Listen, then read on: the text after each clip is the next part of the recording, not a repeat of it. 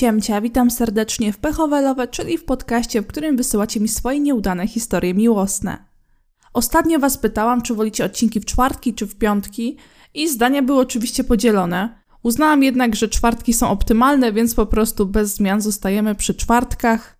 Po ostatnim odcinku dostałam też trochę życzeń urodzinowych, więc bardzo chciałabym podziękować. Cieszę się bardzo, że mogę tworzyć ten podcast i ktoś go słucha. To jest bardzo miłe. I oczywiście tego podcastu nie byłoby bez Was i bez Waszych historii. Także przejdźmy już do pierwszej z nich. To było najgorsze 18 miesięcy mojego życia, ale od początku. Typa, nazwijmy go Wojtek, poznałam na sympatii lata temu. Taki stary portal randkowy. Popisaliśmy trochę, potem przerzuciliśmy się na gadu-gadu. Miałam już wtedy konto na Facebooku, ale nie chciałam mu podawać od razu swojego nazwiska, skoro się nawet jeszcze nie widzieliśmy w realu. Po jakimś czasie umówiliśmy się na spotkanie.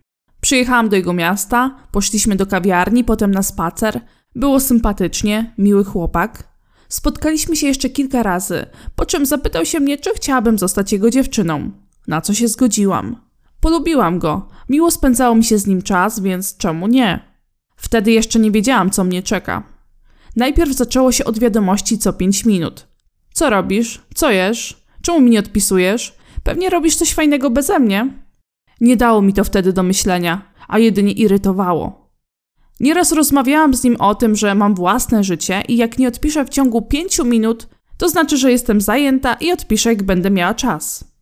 Była chwilowa poprawa i potem znowu to samo i tak w kółko. Do tego doszło parę innych mniejszych rzeczy, a gwoździem do trumny było poinformowanie mnie, nigdy wcześniej o tym ze mną nie rozmawiał, że jak skończę studia, to razem zamieszkamy. Byliśmy wtedy w związku niespełna trzy miesiące. Żadnych deklaracji miłości, intymnych zbliżeń, czy rozmów o tym, jak rozwija się nasza relacja. Nic, dosłownie nic. I pewnego wieczora dostaję czymś takim prosto w twarz. Poskładało mnie to jak kostkę Rubika i powiedziałam, że mam dość. Koniec.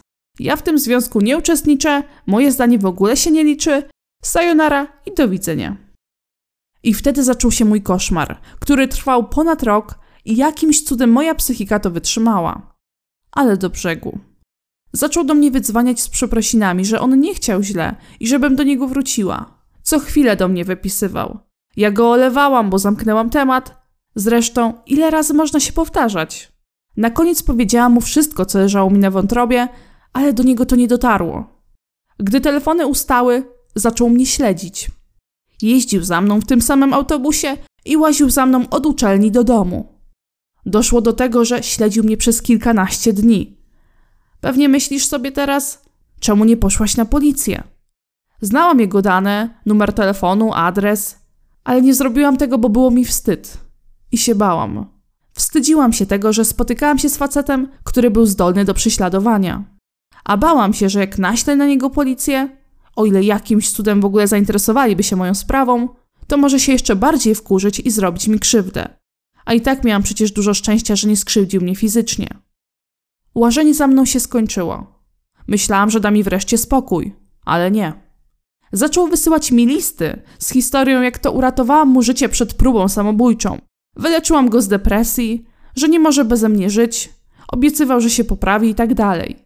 Typ miał nierówno pod sufitem i na początku znajomości dobrze się z tym krył.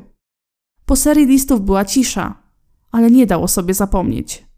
Przyjechał pod mój dom, klęczał przed drzwiami z bukietem róż i błagał, żebym mu wybaczyła.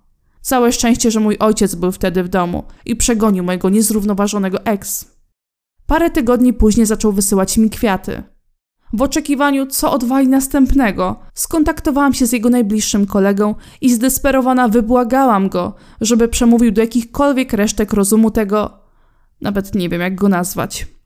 Nie wiem, czy z nim pogadał, czy wreszcie sam jakimś cudem doszedł do wniosku, że da mi spokój, ale już nigdy więcej o nim nie usłyszałam. Nie widziałam go, nie znalazłam w skrzynce żadnego listu od niego, ani żadnych kwiatów pod drzwiami. Nie wiem, czy powinnam dziękować za tę historię, bo no jest ona przerażająca. Bardzo ci współczuję takiego piekła, nękania, prześladowania, stalkowania cię. No nikomu się takich rzeczy nie życzy. Ciekawe jest też to, że naprawdę krótko byliście w relacji, raptem trzy miesiące, Napisałaś też, że nie było zbliżeń między wami, więc bardzo się zaangażował, chorobliwie i toksycznie wręcz. I początkowo nawet twoje odcięcie się od niego nie pomogło. Ewidentnie nie rozumiał, co do niego mówisz. Mam nadzieję, że rzeczywiście ten kolega mu przemówił do rozsądku, bo coś nie wierzę, żeby akurat po tej rozmowie sam z siebie dał ci spokój. Wiem, że to marne pocieszenie, wręcz żadne pocieszenie, ale dobrze, że to się nie skończyło żadną tragedią. Pomyślałam też sobie, że może ta historia komuś pomoże. Może ktoś jest w podobnej sytuacji i również boi się pójść na policję. Nie mamy gwarancji tego, co się stanie później, ale warto reagować. Pamiętajcie, że wasze zdrowie i bezpieczeństwo jest najważniejsze. Następna historia. Witaj, Dramciu. Chciałabym podzielić się swoją historią, a właściwie to dwiema, ale są krótkie. Obie wydarzyły się w gimnazjum. Były to czasy, kiedy zakochiwałam się w chłopaku na korytarzu, marzyłam o spacerach za rękę na tle zachodzącego słońca i wyobrażałam sobie, jaki to on musi być wspaniały. Historia pierwsza. Mój wymarzony chłopak był starszy i bardzo długo za nim wzdychałam.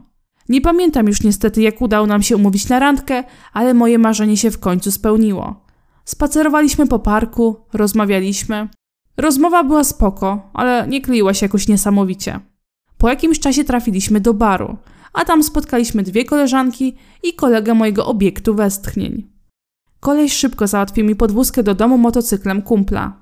Wsadził mnie na ścigacza bez kasku. O nie, nie, nie, tutaj ogromny minus. Nie naraża się życia drugiego człowieka. Kurde, no kask to podstawa. Ale wracając. Do dzisiaj pamiętam, jak pęd wiatru wywiewał mi łzy z oczu. Więcej się nie spotkaliśmy. PS. Jedna z tych koleżanek z baru jest teraz żoną mojego krasza. Jak widać, było przeznaczenie, ale nie dla nas. Tutaj jest koniec pierwszej historii, więc szybko ją skomentuję. Tak jak powiedziałam, kask to podstawa, bezpieczeństwo to podstawa. Nie wsiadajcie na motocykl bez zabezpieczeń. Historia druga. Podkochiwałam się w przystojnym brunecie. Oczywiście ze starszej klasy. Zaraz miał się kończyć rok szkolny, desperacja rosła, no bo jak nie będzie szkoły, no to kontakt się urwie. Jakież było moje szczęście, kiedy okazało się, że mam jakiś tam wspólnych znajomych, no i umówiono nas na randkę. Były już wakacje, ja podekscytowana na maksa, wyszykowana, czekam na domofon. W końcu zadzwonił. Czeka na mnie. Zbiegłam na dół z workiem śmieci. Czemu z workiem śmieci? Rzuciłam szybkie, tylko pobiegnę do śmietnika. I z bananem na twarzy wróciłam do niego. Na co on bardzo szczerze: Wiesz co, są wakacje, ja wyjeżdżam. Pewnie i tak nic z tego nie wyjdzie, więc sorry, ale jednak to nie ma sensu. To była moja najkrótsza randka w życiu. Pozdrawiam cię, Dramciu, i życzę wszystkiego dobrego. Bardzo dziękuję i też pozdrawiam. Plusem tej najkrótszej randki w twoim życiu było to, że wyniosłaś śmieci oraz to, że nie miałaś daleko do swojego domu. I mogłaś zrobić jeszcze wiele rzeczy. Spotkać się z innymi ludźmi. Ja na przykład ostatnio pierwszy raz poszłam sama do kina. I wiecie, że było super? I miałam popcorn karmelowy. Wiem, że wszyscy wolą słony, ale ja się przekonałam do karmelowego, naprawdę jest dobry. I jeszcze miałam taką salę, że mogłam się wygodnie położyć. I było nas mało. O Jezu, jak było cudownie. Polecam wszystkim pójście do kina samemu. Dla mnie kiedyś to było nie do wyobrażenia.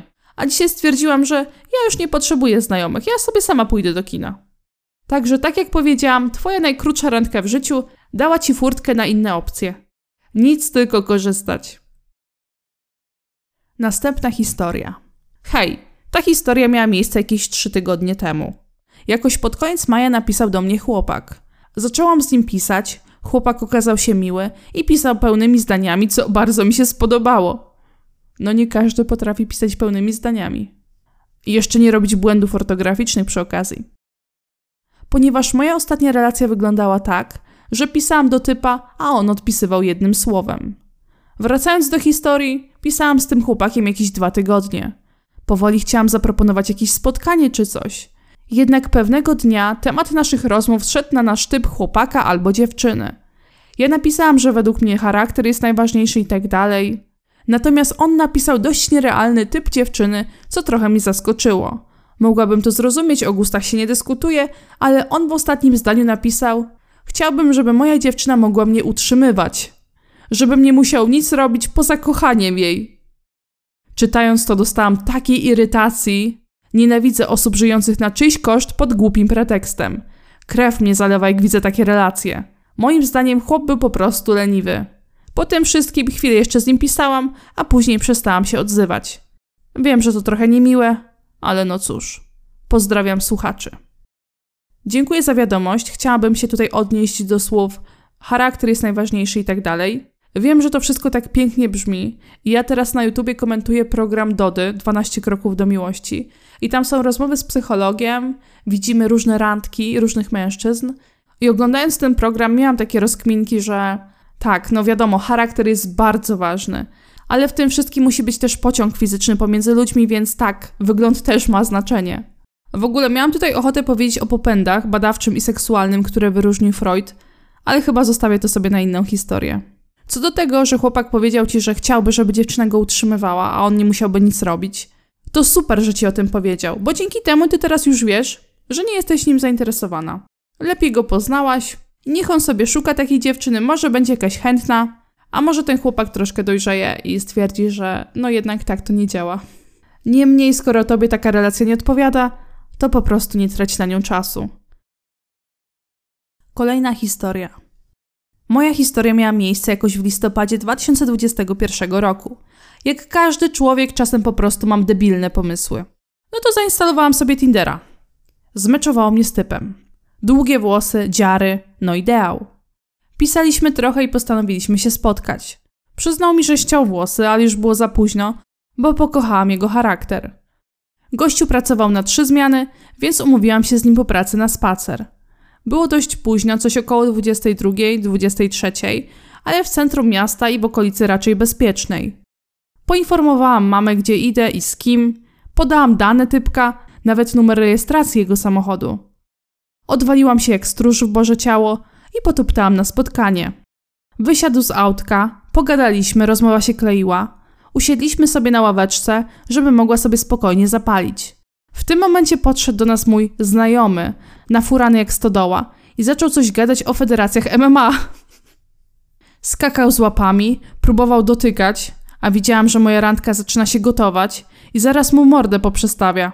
Spanikowałam, bo bardzo się tego typa wystraszyłam.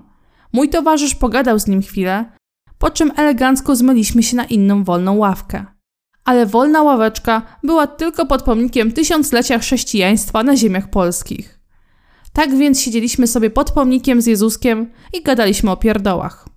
Byłam mocno zestresowana i czułam się niekomfortowo.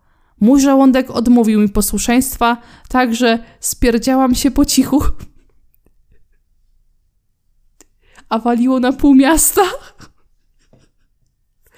Gadałam bez ładu i składu losowe ciekawostki o zwierzętach, takie jak to, że kaczki mają kolce na penisach.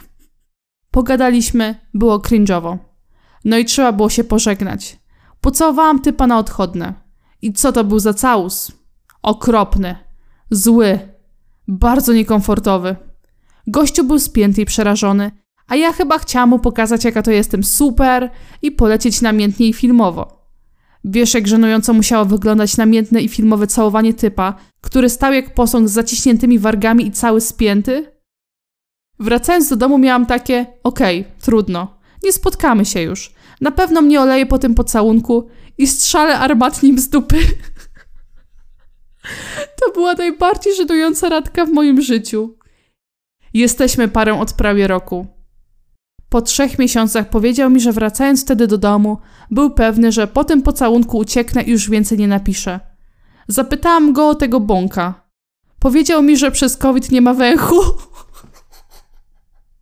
Płaczę, moi drodzy, płaczę. I dopóki pierdnę po cichu, to się nie skapnie.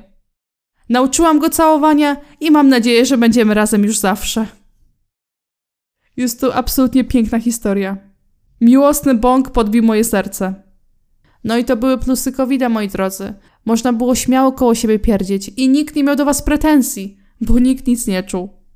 Ja wam oczywiście życzę dużo miłości i abyście żyli długo i szczęśliwie. I na tej historii, przepięknej historii, zakończę dzisiejszy odcinek. Bardzo dziękuję.